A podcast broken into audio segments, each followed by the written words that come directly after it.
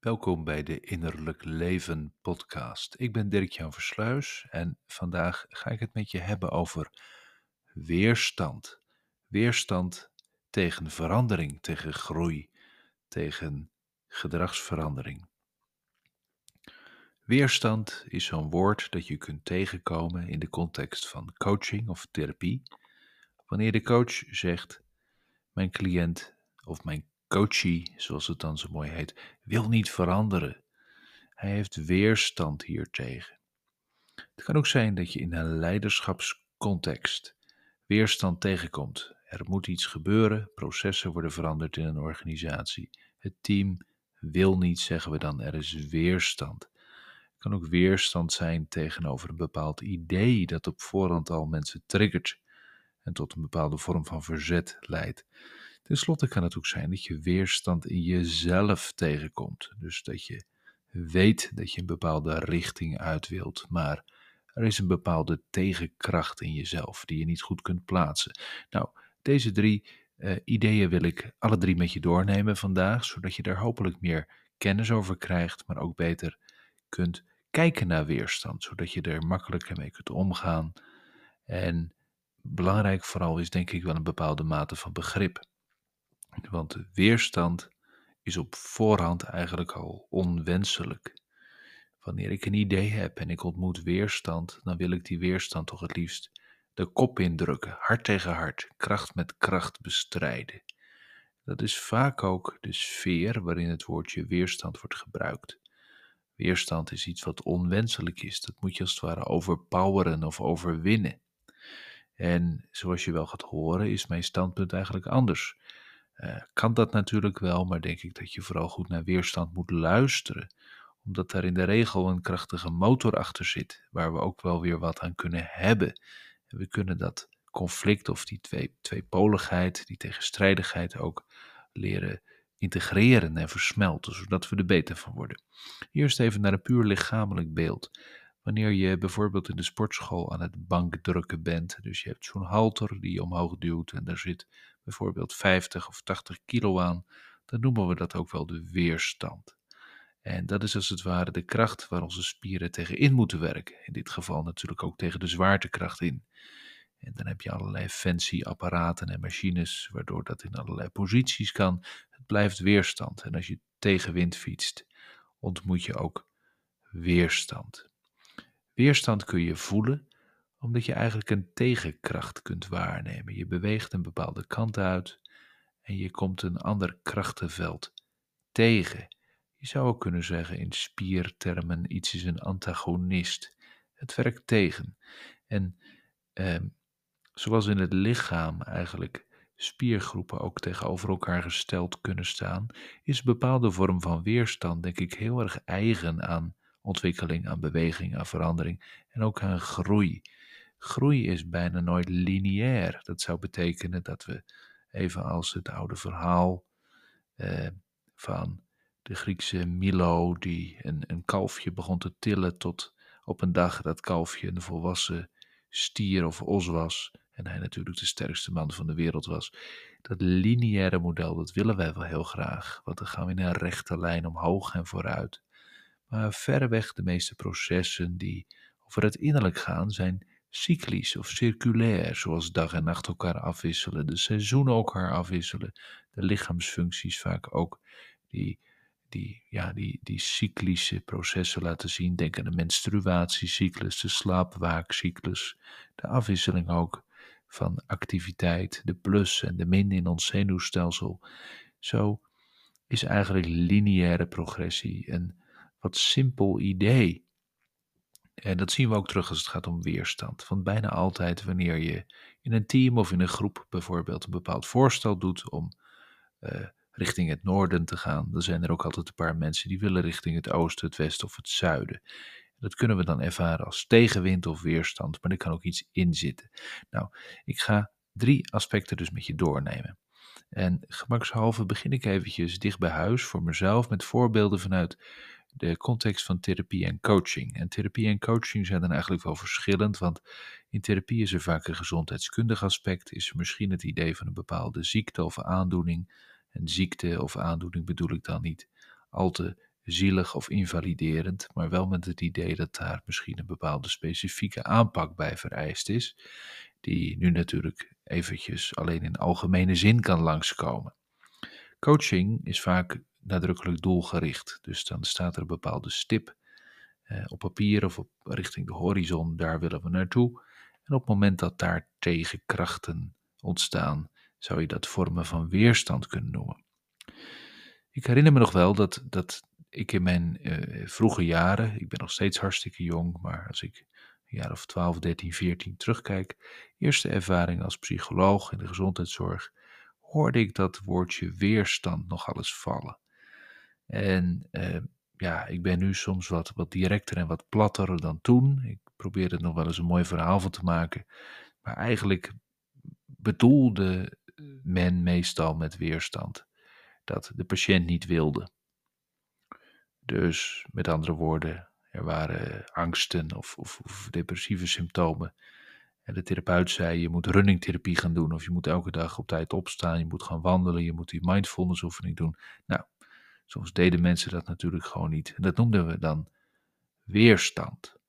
Weerstand tegen verandering. Daar zit ook iets in van: wij weten wat goed voor je is, dat moet je doen. Als je het niet doet, ja, eigenlijk zegt het dan iets over je motivatie, dan wil je niet.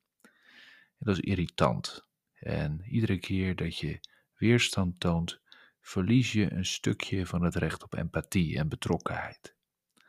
Nou, ik zeg het natuurlijk heel plat en ik denk dat uh, heel veel goede therapeuten ingrijpen in dit patroon. Dus met andere woorden, dat het niet zo ver komt dat die weerstand tot verlies van contact leidt, maar je kunt het misschien in het dagelijks leven wel wat makkelijker herkennen.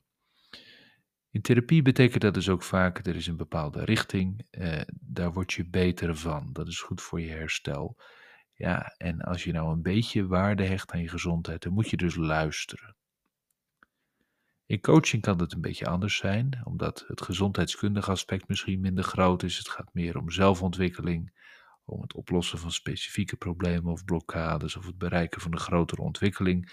Uh, misschien vloeit er geen bloed, maar het is evenwel heel belangrijk. En als je dan niet precies die kant op beweegt die was afgesproken, dan kan ook dat wel weerstand heten. En weerstand is hier dus eigenlijk altijd onwenselijk. Maar ik zou je heel graag mee willen geven dat er hier eigenlijk altijd een spanningsveld of een polariteit in zit. Want wij kunnen nooit precies weten welke krachtenvelden er allemaal meespelen in het leven van mensen, in de veranderingsprocessen van mensen. Het is eigenlijk ook wel simpel om in het hele, ja, toch wel persoonlijke, complexe, veelkleurige verhaal van mensen te zeggen: Kom op, we gaan gewoon die kant op. Zonder precies te weten welke krachten er allemaal spelen. Eigenlijk letten we daar niet altijd goed op. We willen gewoon dat er een bepaalde doelgerichtheid in zit. Zeker in coaching, want als je echt eindeloos moet gaan psychologiseren wat er allemaal meespeelt, dan komt er van die coaching natuurlijk niet meteen wat terecht. Dus doelgerichtheid is vaak in coaching belangrijk, zoals herstel of gezondheidswinst bijvoorbeeld belangrijk is in therapeutische trajecten. Doen mensen dan niet wat er volgens de boeken of volgens de deskundigen goed voor hen is, dan noemen we dat weerstand. Maar achter die weerstand kan wel eens iets heel belangrijks zitten. Want hier zit een belangrijke sleutel wat mij betreft en die mag je ook meteen meenemen naar de volgende domeinen. Weerstand heeft vaak een enorme kracht en daar spreekt ook iets verdedigends uit of iets defensiefs. Wanneer ik niet wil veranderen, of niet wil veranderen op de manier zoals ik mij dat opgelegd voel, dan wil ik ook iets beschermen. Ik hecht aan de positie waarop ik ben, of ik wil mijn, mijn territorium beschermen. Misschien niet letterlijk zoals ik mijn voortuin of mijn achtertuin wil verdedigen, ehm, maar dan toch wel in figuurlijke zin. Ik moet veranderen en je weet misschien wel, mensen houden niet van veranderen. Mensen houden wel van groeien, maar niet van veranderen. Het is ook helemaal niet leuk om je gedrag te moeten veranderen. Eigenlijk wil je toch gewoon doen wat je gewend bent om te doen en dat wil je lekker zelf uitmaken. Dus weerstand kan ook gewoon betekenen dat er een bepaalde defensiviteit is. En die defensiviteit, die lijkt misschien onsympathiek. omdat hij heel krachtig kan overkomen. Nee, ik weiger het gewoon om dat te doen. Ik heb daar geen zin in. Ik ga daar niet naartoe. Ik ga dat niet doen. En dan kun je als coach in een één op één situatie, maar ook als leidinggevende of als manager, wanneer het wat meer om een aansturingssituatie gaat, kun je misschien wel getriggerd voelen om boos te reageren, kracht met kracht te gaan bestrijden. Te zeggen, nou, ik ben lekker je baas en je gaat het toch doen, anders vlieg je eruit, bij wijze van spreken. Dat is ook weer een vorm van weerstand. Je ziet dan in gedachten eigenlijk twee boxers tegenover elkaar staan, die alleen maar stoten uitdelen, allebei moe worden, by the way, blauwe plek oplopen en wat iets meer zijn. Weerstand kan ook angst vertegenwoordigen. De angst voor verlies, dit kan zelfverlies zijn. Bijvoorbeeld wanneer je al zo vaak in je leven over je grenzen bent gegaan of tegen je gevoel bent ingegaan, dat je doodsbang bent om dat nog een keer te doen met alle gevolgen van dien. Dat is echt heel erg groot, kan heel groot zijn voor mensen. Het is een enorme weerstand. Eigenlijk de weerstand om in innerlijke zin het vege lijf te redden. Er kunnen tal van andere psychologische achtergronden meespelen in die weerstand. En meestal kun je een beetje gevoel krijgen hoe groot die achtergrond is, wanneer je ook voelt hoe sterk de weerstand is. En dat is meteen wel een belangrijk gegeven. Ik denk dat weerstand een bepaalde krachtbron is waar je ook naar moet leren luisteren. Dus wanneer je coach of therapeut bent, luister je naar de weerstand in je cliënt, in je patiënt, in je coachie, uh, whatever, welk woord daarbij past. De mens die tegenover je zit, ligt, loopt, wat dan ook, koffie drinkt. Um, omdat eigenlijk in dat afstemmen op wat gebeurt er nu bij jou, een open en nieuwsgierige houding zit, maar ook als het ware het geestelijke vermogen om echt eventjes door de ogen van de ander te kijken. En dat leidt tot een grote mate van verbondenheid, contact. En contact maakt ook meteen mogelijk dat dingen weer versmelten, in contact komen, veilig worden. Is heel anders dan wanneer je in een padstelling bent met hart tegen hart of kracht tegen kracht. Er kunnen tal van angsten onder die weerstand zitten. Het kan ook zijn dat mensen als vanzelf bang zijn voor verandering zonder dat ze precies weten waarom. Het kan ook zijn dat mensen allerlei onverwerkte emotionele issues bij zich dragen, is natuurlijk koren op de molen voor mij om daarover te spreken.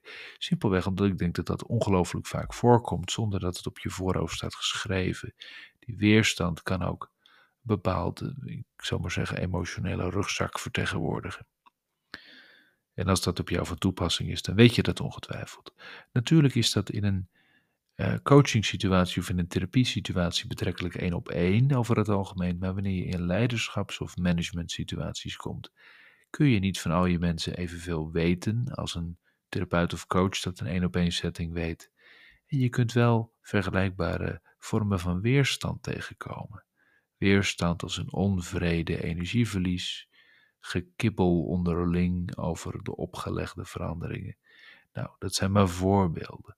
En ook dan is het verleidelijk om die weerstand tegemoet te treden met kracht, met negeren, met welke strategie dan ook. Maar mijn advies zou zijn om vooral naar weerstand te luisteren, omdat hier veel latente informatie in ligt opgesloten. Dus over het algemeen kan een bepaalde koers, een richting of een doelstelling juist wat meer gerijpt en wat meer onderbouwd worden, wanneer je ook de weerstand daarin meeneemt. Dus luister ook als leidinggevende goed genoeg naar de inhoud, de intensiteit, de kleuren van wat je aan weerstand krijgt. En je zorgt daarmee ook dat je mensen niet kwijtraakt, niet afsplitst. De verbondenheid blijft intact, waardoor je samen kunt blijven werken, samen kunt blijven functioneren, kunt blijven groeien. Maar het is ook een manier om er eigenlijk zelf van te leren, omdat ons bewustzijn altijd een zekere mate van beperktheid in zich draagt. Het kan zijn dat we een aspect missen. En de nederigheid om dan toch naar weerstand te luisteren, die doet vaak wonderen. De kracht van weerstand smelt als het ware als sneeuw voor de zon. Ten slotte, ken je weerstand in jezelf? Kom je situaties tegen dat je eigenlijk bovenaan een trap staat, maar hoogtevrees hebt?